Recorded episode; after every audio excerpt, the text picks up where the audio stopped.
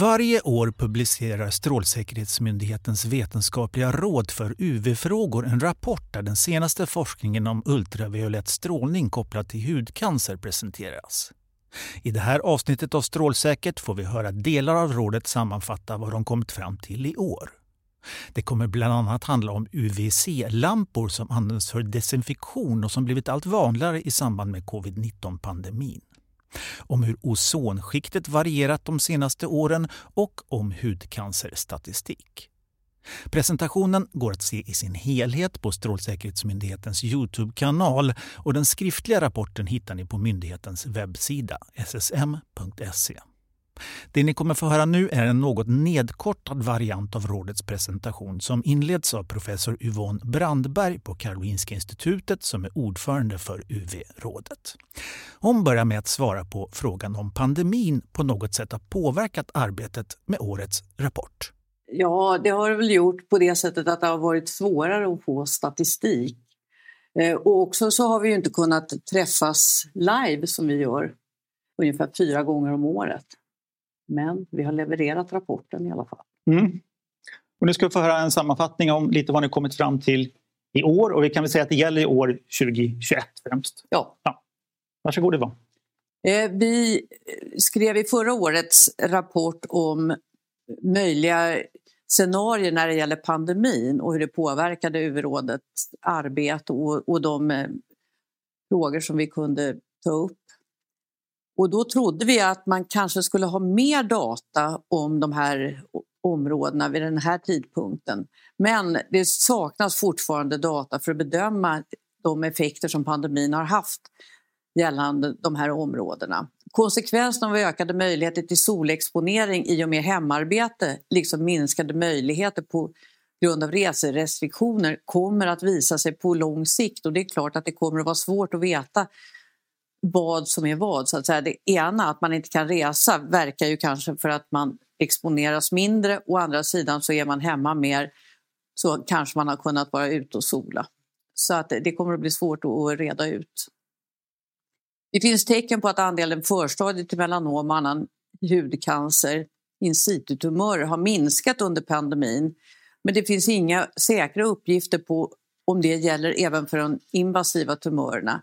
Inte heller förändringar i tumörstadiet för melanom mellan år 2019 och 2020. Behandlingen av patienter med metastaserande melanom har dock pågått enligt vårdprogrammet så vitt man kan bedöma nu. Det har varit svårt att nå ut med information gällande hudcancerprevention under 2020 på grund av att det mesta informationen handlade om covid men UV-rådsrapporten 2021 och sanningskampanjen samma år rönte ganska stor medial uppmärksamhet. Tack så mycket Yvonne. Vi ska återkomma till dig lite senare, men tack så länge. Ja, nu ska det handla om ozonskiktet som ju har stor betydelse för hur mycket UV-strålning som når jorden. Och vi ska få höra om hur ozonskiktet har varierat i tjocklek de senaste åren. Sandra Andersson, meteorolog och klimatolog på SMHI, är ledamot i UV-rådet och är med oss från en länk eh, från eh, SMHI i Norrköping. Är du med oss, Sandra? Det är jag, tack så mycket. Vad bra. Du har mycket intressant data på hur ozonskiktet varierar, så varsågod. Det här avsnittet sammanfattar observationer av ozon och UV-strålning under åren 2020 och 2021, framförallt sommarmånaderna. Och tidvis så var eh, UV-strålningen också ovanligt hög de här åren. Och samtidigt som vi hörde innan så finns det möjlighet att pandemin som också pågick då kan ha påverkat hur vi har exponerat oss för UV-strålning. Mätningar av ozon eh, görs på två platser i Sverige vid mätstationer som är placerade i Norrköping och i Vinden. Och de representerar då mängden ozon i ozonskiftet som är centrerat på ungefär 20-25 kilometers höjd och de skyddar oss mot UV-strålning från solen. Det vi ser i mätningarna är att de visar stora avvikelser, framförallt i april 2020, vilket hänger samman med en ovanligt kraftig förtunning av ozonskiktet över Arktis. De lägsta värdena som vi uppmätte då var vid stationen i Vinden och de var neråt 60 procent av det klimatologiska genomsnittet. Under maj så tilltog ozonskiktet men sen tidvis under juni så var det åter eh, tunt eh, mot det normala, även om det var inte lika stor avvikelse som under april. Den efterföljande våren 2021 så var det inte något rekordår när det gäller förtunningen över Arktis. Och uppmätt i ozon i Norrköping visar på relativt stora svängningar eh, under mars och april. Och sen under maj och juni och fram till mitten av, mitten av juli så hade vi ändå ganska tunt ozonskikt även det året. De mycket låga ozonvärdena som vi mätte våren 2020 beror på den här ovanligt kraftiga förtunningen över Arktis. Och den i sig är ett resultat av nedbrytning av ozon som kan inträffa när temperaturen blir tillräckligt låg inför något som vi kallas den polära vortexen eller polära virveln. Och I de här bilderna kan man se tunt ozon i blåaktiga nyanser. Och eh, Nedbrytningen sker då samtidigt som det är kallt och när ljuset sen på våren återvänder efter polarnatten.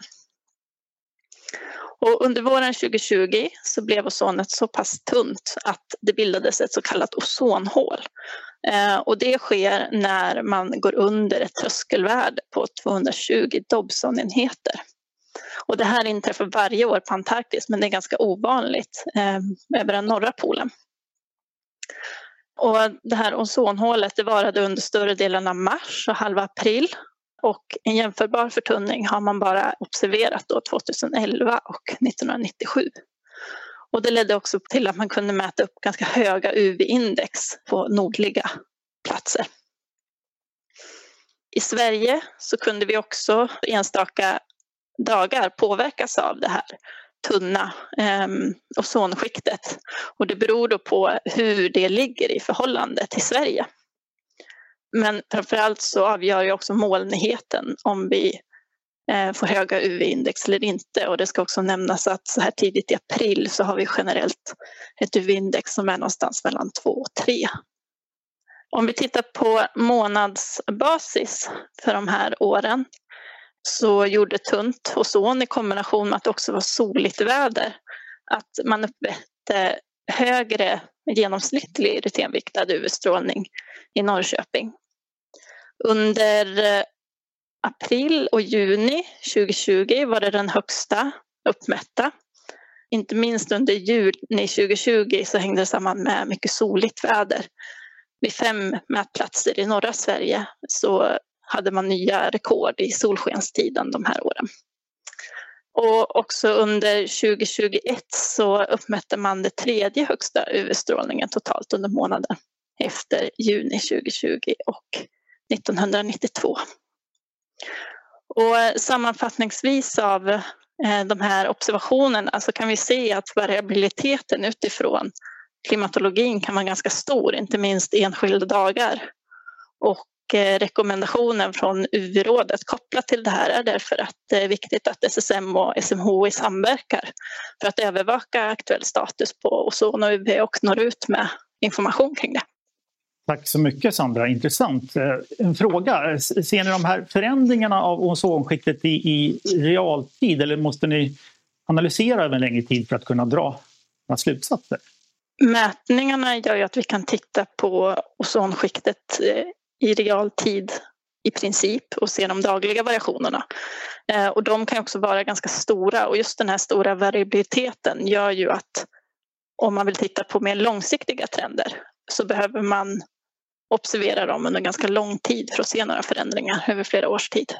Och vet ni något om hur mycket utsläppen från, från mänskliga aktiviteter spelar in när det gäller förtunningen av ozonskiktet? Det har ju varit en fråga sedan, sedan 80-talet. Mm. Men, men idag, vad vet ni om de mänskliga aktiviteterna? Mm. Om man pratar om den här eh, långtrenden, eh, förtunningen som man såg under 80-talet så är ju de ozonnedbrytande ämnena helt avgörande för det. Och de spelar också in i det här bildandet av ozonhål som sker årligen över Antarktis och i vissa fall då över Arktis. Om man se på UV-strålningen, då, vad spelar ett tunt ozonskikt för roll för exponeringen av UV-strålningen? Den viktigaste faktorn är ju molnighet. Så är det molnigt så skyddar den det också, mot UV-strålning. Men vid molnfria dagar så kan man lite grovt som en tumregel säga att eh, det är ungefär motsvarande förändring i UV-strålningen som i ozonskiktet. Eh, så om ozonskiktet är tunt så bränner man sig snabbare i solen. Mm. Tack så mycket Sandra Andersson. Eh, nu vänder vi tillbaka till jorden igen men håller oss kvar vid UV-strålning och faktiskt lite om ozon också fast här på jorden. Då. Det ska handla om så kallade UVC-lampor som kan användas för att till exempel ta död på bakterier och virus. Och användningen av de här lamporna har faktiskt ökat, något som inte heller är helt riskfritt. Veronica Höjom som är forskare på Karolinska institutet och ledamot i eh, UV-rådet har tittat en del på det här. Välkommen! Och du har tittat närmare på den här frågan kring. UVC-lampor. Och jag undrar varför har användningen av de här lamporna ökat just nu? Ja, det är ju framförallt efter de här senaste årens covid-pandemi som intresset har ökat för att minska smittspridning både när det gäller företag och även i privata hem. Men det är inte helt riskfritt? Nej, man har ju inte studerat de långsiktiga effekterna framförallt av de här lamporna. Ehm, så det är någonting som man egentligen behöver titta på innan man börjar använda det här på en större skala. Ja. ja intressant att höra vad du har kommit ja, fram till. Tack så mycket. Ja, jag ska då prata lite om den här ökade användningen av UVC-lampor. Och det här avsnittet författades av Hanna Holstein från Lunds universitet. Eh, men jag tänkte börja med att dra lite kort bakgrund om ultraviolett strålning som är då en form av e- elektromagnetisk strålning som har en kortare våglängd än synligt ljus. Och man brukar dela upp det här i tre olika grupper efter deras eh, våglängd och vilken energi de medför. Och om vi börjar med UVA som är den som har den längsta räckvidden och har möjlighet att tränga ganska djupt ner i vårt hudlager. Där kan den eh, orsaka ett för tidigt åldrande av huden och också ge indirekta DNA-skador som skulle kunna kopplas till en ökad risk för hudcancer. Sen har vi då UVB som en ganska stor del av de farliga strålarna från UVB absorberas i atmosfären. Men en del når ner till jordens yta. Och det är UVB-strålarna som gör att vi bränner oss i solen om vi exponerar oss för mycket. UVB kan ge direkta DNA-skador, vilket då ökar risken för hudcancer. Det är också UVB som gör att vi producerar vitamin D i huden när vi exponeras och också att vi producerar ett mer skyddande pigment som heter melanin. UVC är den gruppen som har kortast våglängd och innebär högst energi. Det är också den som kan ge störst skada. Dock är det så att den, all UVC-strålning den blockeras i atmosfären så att den, det finns ingen naturlig strålning på jordens yta av UVC. Däremot finns det då artificiell UVC-strålning som används i olika ändamål som jag tänkte ta upp lite här.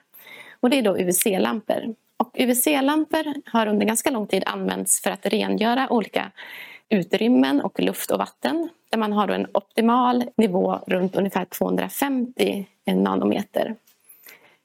Och UVC den kan då eh, förstöra olika bakterier och virus genom att den då bryter ner DNA så att den förlorar mycket av deras naturliga eh, funktioner och kan också deras förmåga att reproducera sig.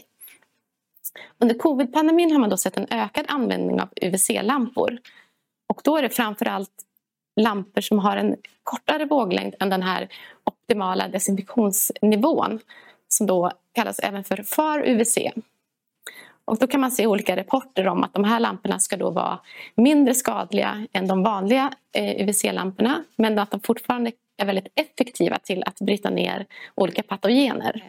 Man har då sett att man använder dem i andra sammanhang, till exempel då i privata hem och på vårdinstitutioner. Vi kan se här en artikel från Mölndalsposten när de hade installerat några nya eh, kortvågiga UVC-lampor i taket på ett äldreboende. Och det här kan ju vara lite olyckligt eftersom de, de långsiktiga effekterna av att använda de här lamporna inte är så väl studerade. Så att man kan inte veta riktigt vilka hälsorisker på lång sikt som kan finnas med de här lamporna. För UVC kan ju då vara skadligt för människor. Om man har effektiva lampor så kan de eh, ge akuta skador på huden och ögonen på bara några sekunder. Och man har därför gränsvärden för hur mycket man kan exponeras. Och de här gäller då främst för en åtta timmars arbetsdag där det, eh, liksom, syftet är att förebygga akuta skador på hud eller ögon. Och har man då närmat sig den här gränsen så bör man inte exponeras mer under 16 timmar. Och det är såklart att det finns ingen säker gräns mellan en säker exponering och en farlig exponering. Men det är så att om man håller sig under gränsvärdena så ska man inte riskera att få akuta skador.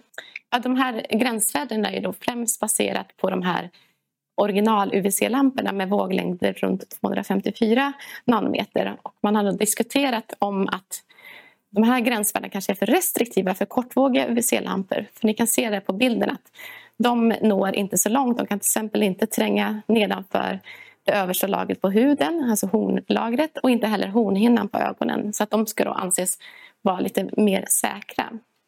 Men som jag sa tidigare så är de långsiktiga effekterna vid användning av de här lamporna är inte så väl etablerade. Så att eh, man vet inte, kan det ändå öka risken för hudcancer? Utan det är någonting som man måste studera vidare för att veta mer säkert.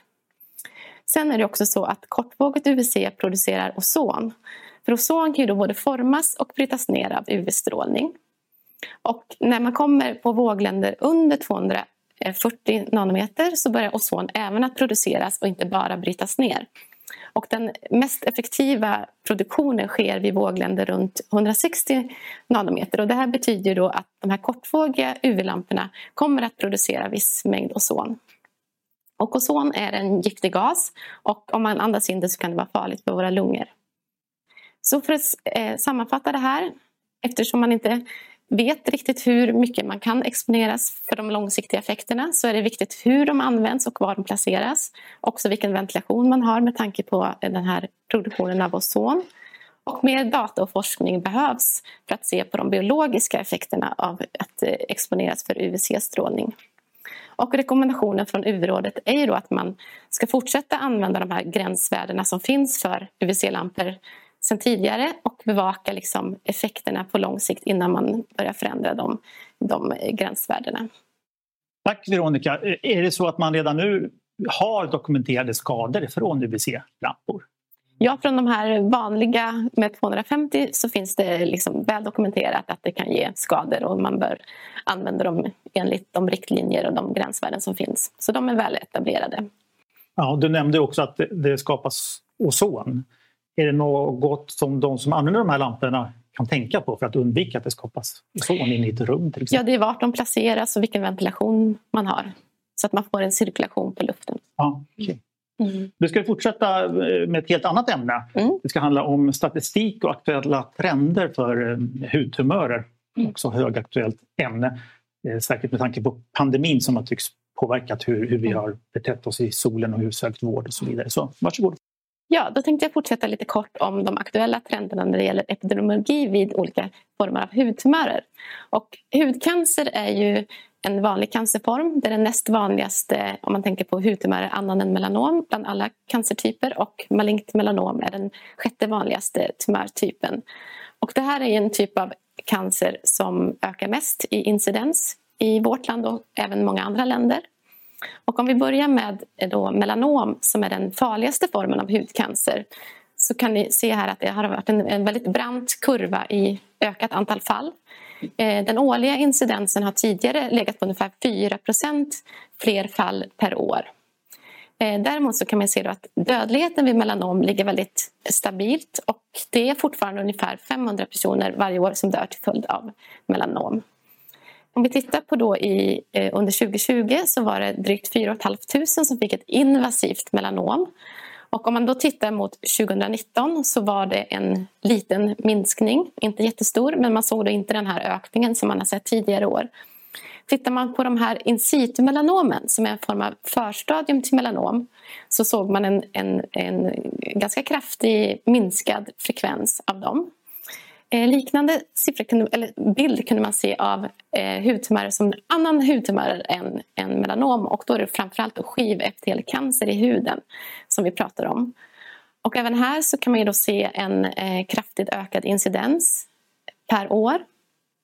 Däremot så är det väldigt få som dör till följd av annan hudcancer än melanom.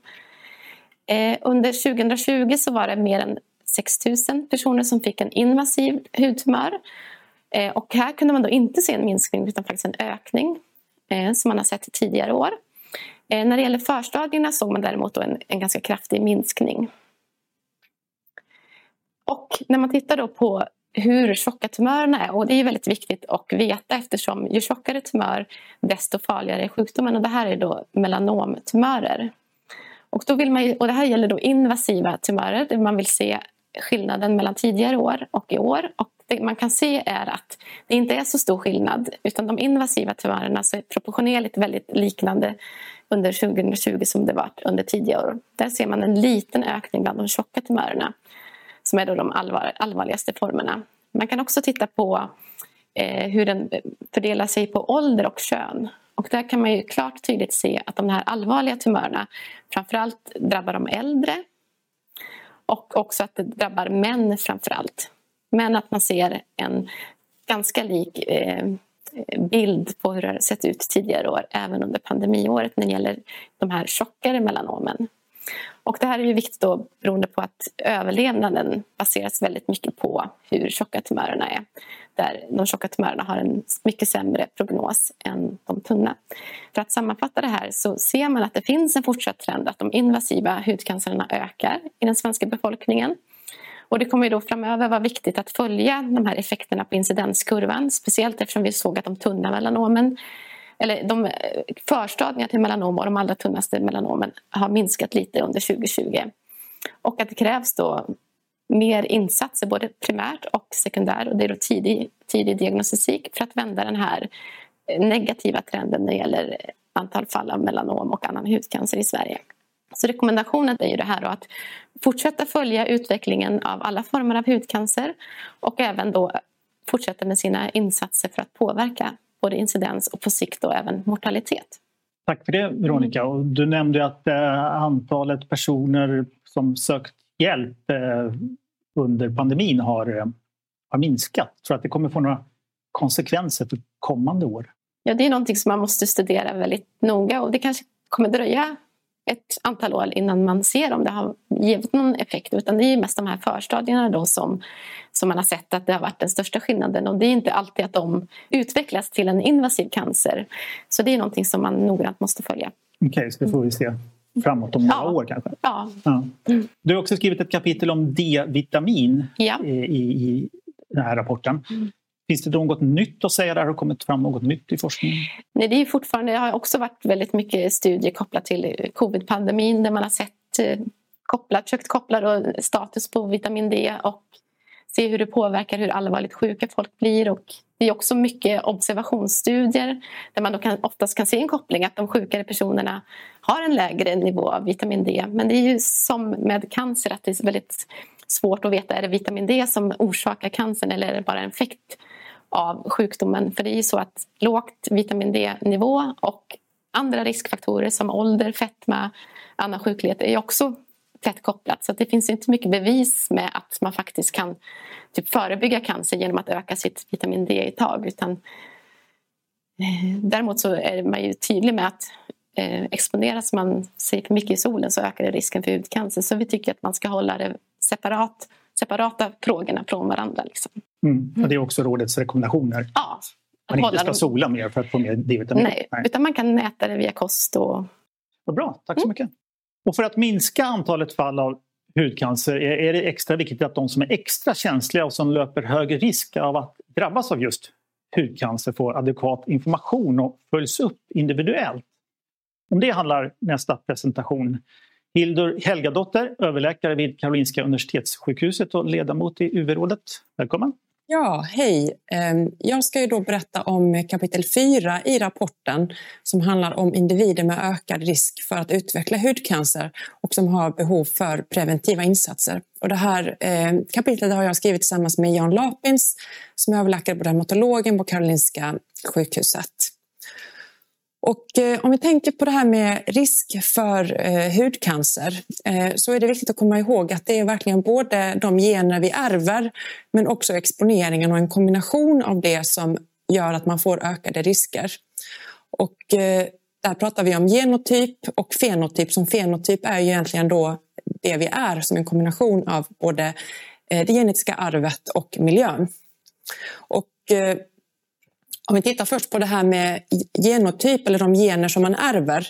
Att då är det dels eh, pigmentgener där det finns flera olika gener som styr eh, våra pigmentegenskaper. Framförallt en gen som heter MC1R som är stark där och, och kopplat till det pigment som man har. Och det finns också specifika tumörassocierade gener eh, där det är väldigt ovanligt med eh, mutationer. Men det finns eh, de som bär mutationer i de här generna och har då mycket ökade risker för att få hudcancer. Och sen så finns det också gener som styr eh, vårt, vårt immunsystem och eh, hur det fungerar som påverkar. Vad gäller exponeringen då är det ju framförallt UV-ljuset som vi pratar om. Där det kan vara som sagt både hur mycket man får över sin livstid och också det hur mycket man har bränt sig. Och eh, även eh, en, en, annan faktor är det om man eh, har påverkat immunsystem och eh, äter immunsupprimerande medicin.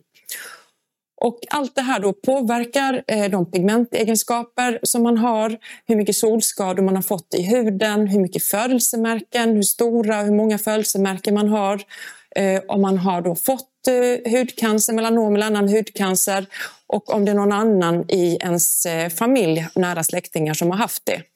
Eh, hur immunsystemet eh, reagerar och även ålder och kön är viktigt att komma ihåg att det är påverkar också för att risken för hudcancer ökar mycket med ålder. Det ser inte helt likadant ut mellan könen. Det är faktiskt så att för melanom att, att då är det lite, lite yngre insjuknande hos kvinnor så att vi har en högre, högre incidens hos yngre kvinnor medan det är vanligare hos äldre män.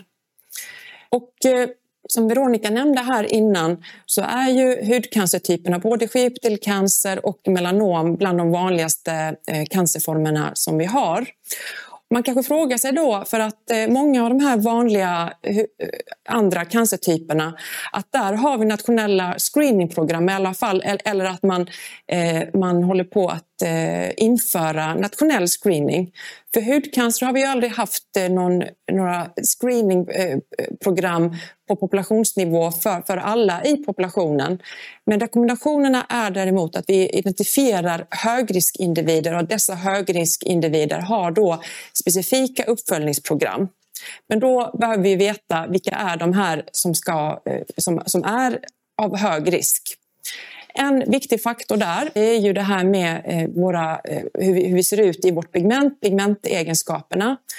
Eh, och, och där har vi en, en uppdelning enligt den här så kallade Fitzpatrick-skalan där man går från hudtyp 1 för de som har de ljusaste hudtyperna och till hudtyp 6 som är den mörkaste. Och då är det som sagt hudtyp 1 som eh, nästan alltid bränner sig, kan i princip inte bli brun och hudtyp 6 som eh, då i princip inte kan bränna sig. Och då är det också med hudcancerrisk att den är då starkt kopplad till det att vi har eh, högre risker hos dem med hudtyp 1 till 2 medan det är mycket ovanligt med hudcancer i eh, hudtyper 5 till 6. Om vi tittar då på risker för att utveckla melanom då är det olika faktorer som påverkar. Men det som är nästan starkast här det är just det här att antingen att man har själv haft melanom eller till och med själv har haft flera egna melanom som utvecklats i huden. Och detta då i kombination med att man har andra i familjen som också har haft melanom, det vill säga det finns en ärftlighet för melanom. Och sen då specifikt de här som har eh, bärare av specifika högriskgener där det är framförallt en, en gen som heter CDKN2A som är den som är mest kopplad till, till eh, melanoninsjuknande. Har man då själv inte haft melanom då är det andra faktorer som vi tittar på som till exempel det att om man har andra släktingar eh, som har haft eh, melanom eh, eller om eh, man har mycket eller stora födelsemärken i huden eller om man tidigare haft andra typer av eh, hudcancer. Och då kan man säga att de som vi rekommenderar kontroller för det är ju de som har eh, ja, tiofaldig risk eller mera för att utveckla melanom. Där rekommenderas det att de eh, har specifika kontroller för sin hud. Och eh, en, en, annan viktig faktor att komma ihåg det är Eh, just de här som har skivepitelcancer och hög risk för det. Eh, och det är då specifikt kopplat till de som är immunsupprimerade, mycket då de som är eh, transplanterade. Och det är ju så att vi har ju fler och fler som lever med transplanterade organ och då behöver de en livslång immunsupprimering för det. Och i och med den så får de väldigt höga risker för hudcancer, framförallt skivepitelcancer men också andra typer av hudtumörer. Och då delar man också upp dem i olika riskgrupper för om de behöver gå eh, på regelbundna hudkontroller. Och då tittar man då bland annat på det här med pigmentegenskaperna enligt Fitzpatrick-skalan, eh, deras ålder, hur länge de har ätit sin immunsupprimerande medicin och vilken typ av immunsupprimering det är. Då är det faktiskt de som har hjärt och lungtransplantat som har den, den starkaste typen av immunsupprimering och, eh, och, och behöver mest uppföljning. Och också då tar man med här om de redan har börjat utveckla olika typer av hudtumörer och, eh, och, och då är det då de här med hög risk eller högst risk. De eh, inkluderas i, i program för uppföljning. Men för att sammanfatta så rekommenderar ju UV-rådet eh, att det görs kontroller av individer med hög risk för eh, hudcancer. Och det är viktigt här med ett multidisciplinärt samarbete mellan olika specialiteter både för att identifiera de här individerna och för att kunna erbjuda det mesta möjliga omhändertagandet. Och har man identifierat de här individerna inom vården så rekommenderas minst årliga hudundersökningar men oftare om det är till exempel på grund av hudstatus eller de hudtumörer som redan har haft bedöms behöva det mer ofta. Och då ingår där en helkroppsundersökning där man undersöker hela hudkostymen som man säger eh, med möjlighet till eh, dermatoskopi och eh, även uppföljning med hjälp av digitala fotografier. Och även det som ingår i den uppföljningen det är kontinuerlig rådgivning om solskydd och egenkontroller av huden. Tack, det var allt om detta. Tack Hildur. Eh, du nämnde här med rekommendationerna att ni vill att vården ska följa upp individuellt de som har risk för, hög risk att utveckla hudcancer. I vilken omfattning sker det idag?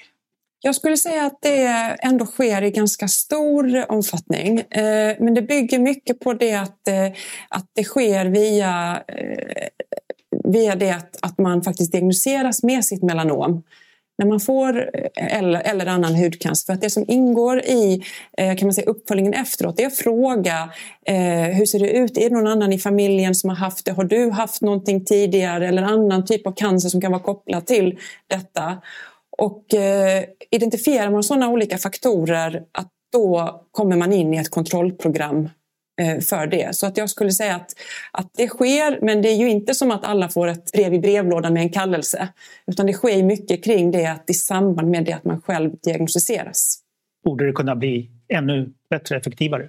Ja, det är en bra fråga. Eh, och det, det, är ju den här avvägningen hur man ska, eh, hur man ska faktiskt kunna identifiera de här eh, personerna som behöver det. Eh, ännu så länge har vi i alla fall inte kommit på något, något bättre system.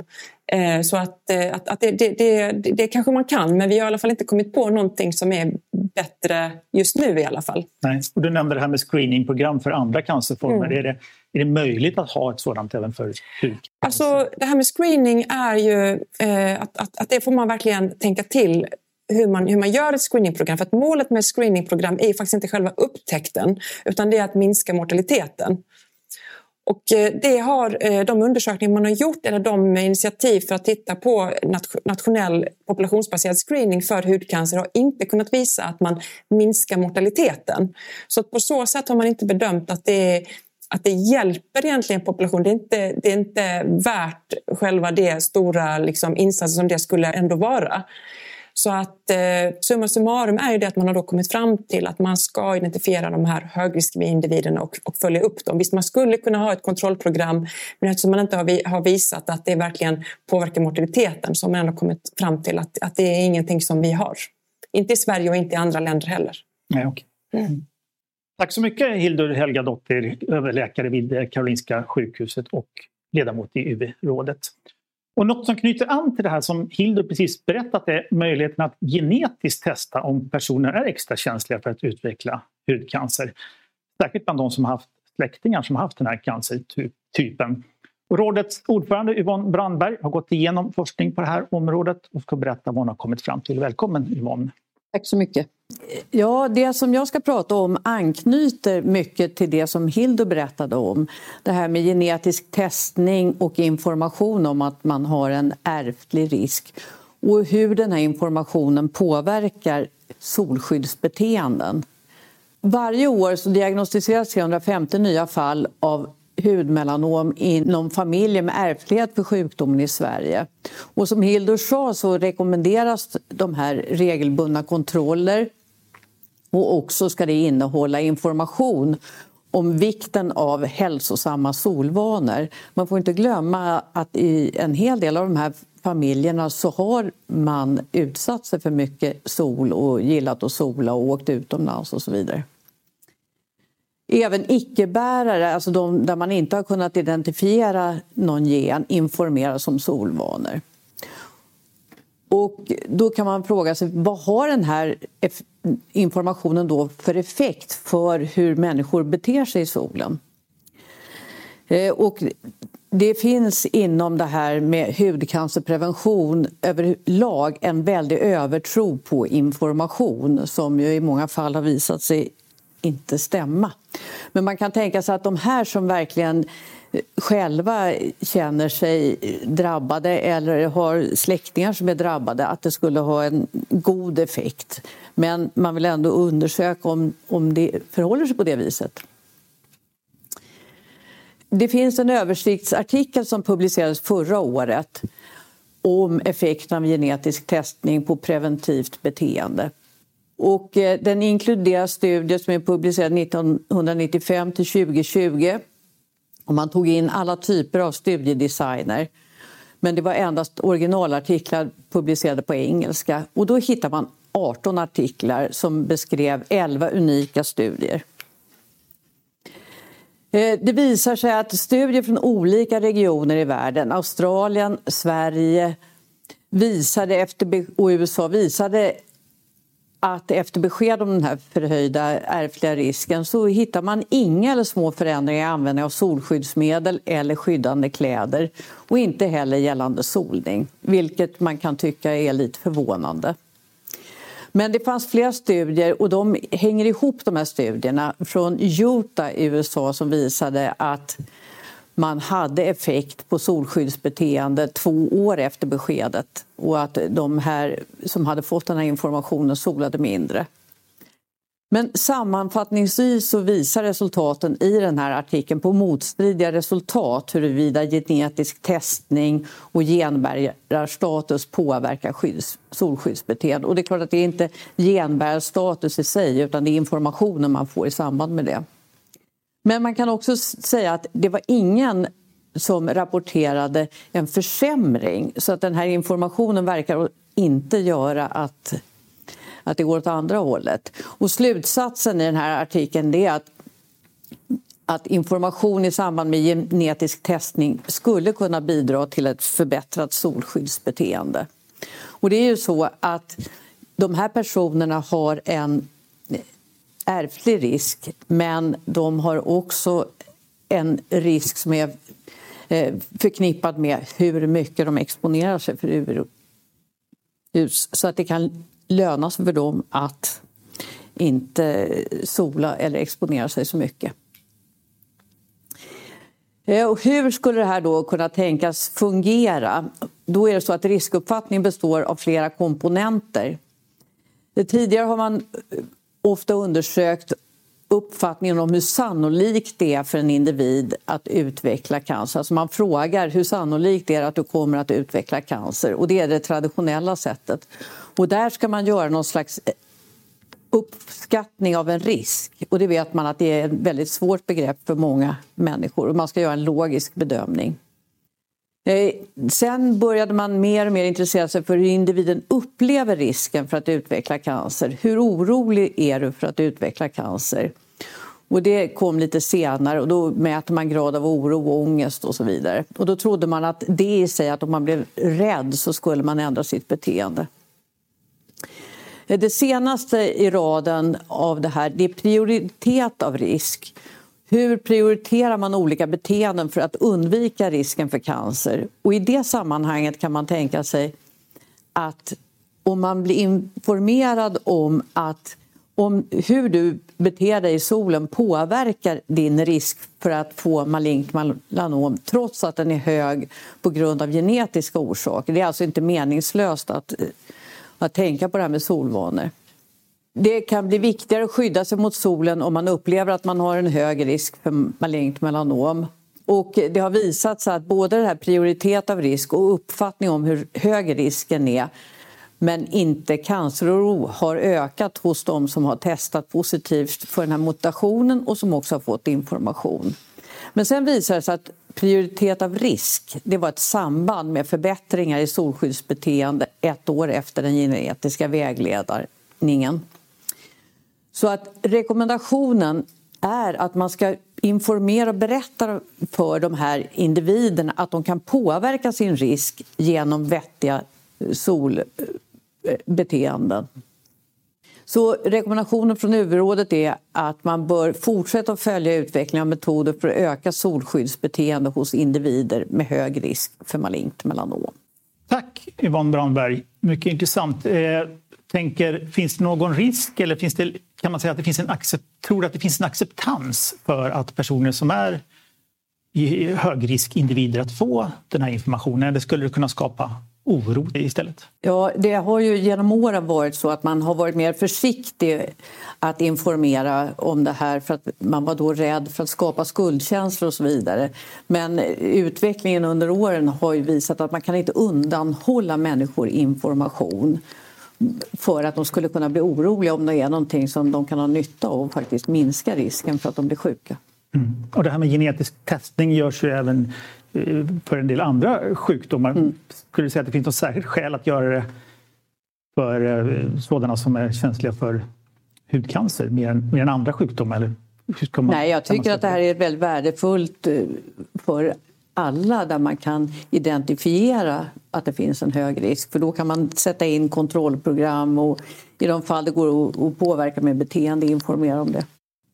Tack så mycket Yvonne. Då ska vi sammanfatta lite grann vad vi har kommit fram till här under det här seminariet och då vill jag gärna att eh, Tove Sandberg Liljendal som är utredare på Strålsäkerhetsmyndigheten och som jobbar med UV-frågor också kommer fram. Eh, Tove, vi hörde ju eh, Veronica Höjom berätta om den här ökade användningen av UVC-lampor. Hur reagerar du på det ur ett strålskyddsperspektiv?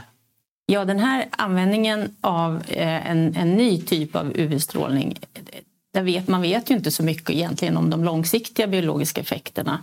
Eh, och det är ju jättevärdefullt för oss att få veta hur våra rekommendationer står sig. För vi har ju ett allmänt råd med hygieniska riktvärden som gäller då UV-strålning. Och det har ju varit, det har ju funnits kanske en fråga då kring om man ska lätta lite på de här för att man ska kunna använda UVC-lampor just i eh, desinficeringssyfte med tanke på covid-pandemi och annat. Men nu visar ju den här, det här resultatet då att det finns inte tillräckligt mycket kunskap egentligen för att man ska kunna ändra de här eh, riktvärdena. Och de är ju framtagna framförallt för akuta effekter ska man ju komma ihåg. Så det är väl, det är väl en reflektion då att än finns det inte tillräckligt mycket ny kunskap. Nej. Och, och hur ser regleringen ut på det här området idag? Finns det några föreskrifter? Ja, när det gäller användning av UVC-lampor i hemmet så omfattas inte det av strålskyddslagen. Vi har en marknadskontrollansvarig myndighet och det är ju Elsäkerhetsverket. Eh, men om man har en verksamhet med UVC-lampor då gäller strålskyddslagen och då ska man iaktta försiktighet, det ska vara korrekt märkning med mera. Och man ska göra en riskvärdering för hur man ska använda den här eh, utrustningen. Men för privatpersoner finns, finns inte det i strålskyddslagen. Då. Däremot så har vi ju våra hygieniska riktvärden. Eh, och det har ju vi fått höra här att det inte finns någon anledning egentligen att frångå dem eftersom de är framtagna framförallt för akuta effekter och de långsiktiga effekterna vet man inte så mycket om än. Men när man vet mer om det kanske det finns anledning att, att ändra på dem. Men, men det gör inte det i nuläget. Men finns det några internationella rekommendationer på det här området? Ja, det finns ju en internationell strålskyddsorganisation som heter ICNIRP och de har ju gått ut och avrått från användning i privatbostäder. Mm. På vilket sätt använder sig myndigheten av de här råden som eh, Vetenskapliga rådet ger till myndigheten? Eh, genom att UV-rådet bevakar forskningen så får ju myndigheten väldigt värdefull kunskap som hjälper oss i vårt arbete med hudcancerprevention. Och eh, det kan ju röra då till exempel olika sätt vad folk har för exponeringsmönster. Eh, om det är särskilda grupper som är speciellt eh, högt exponerade, om det finns särskilt känsliga grupper som man kan behöva rikta information till. Mm, Okej. Okay. Och Yvonne, får väl avslöja här då att du kommer lämna posten som ordförande för, för UV-rådet men vara kvar som ledamot. Kan du ge på något sätt en bild av hur du tycker att det har förändrats sen du klev in som ordförande? Alltså går det här arbetet framåt eller hur, hur ser det ut enligt dig? Jag tycker att det, det, går framåt och jag tror att det här med, eh, med hudcancerprevention kommer att gynnas av att man kan se tecken på ett förändrat skönhetsideal. Det är så att den största delen av svenskarna vet att man riskerar att få hudcancer om man exponerar sig för sol och solarier. Så att det är liksom inte där problemet ligger, utan problemet ligger i att man vill vara brun med ett eh, solbrunt hudtonsideal fortfarande. Men jag tror det håller på att minska också och där ser jag förhoppningen för det här. Sen tycker jag att det är väldigt viktigt också det här att det når allmänheten att även äldre människor bör vara försiktiga och att man inte ska tro att bara för att man är gammal kan man fortsätta utan att risken ökar ju äldre man blir. Det är en viktig fråga. Så att jag hoppas och jag tycker att eh, de här rapporterna från UV-rådet som har kommit i många år nu ger väldigt värdefull information om det senaste inom UV-frågan och hudcancerprevention.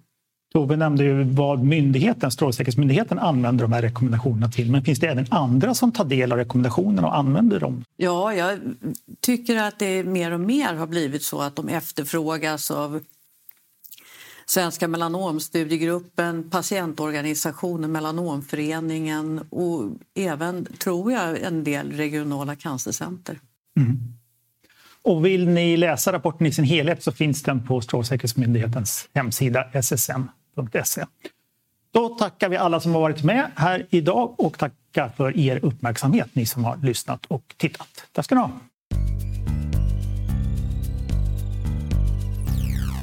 Ni har lyssnat på Strålsäkert, en podd från Strålsäkerhetsmyndigheten. Ta gärna kontakt med oss om ni har synpunkter på innehållet eller kanske någon idé om vad nästa avsnitt ska handla om. Mejla till kommunikation ssm.se.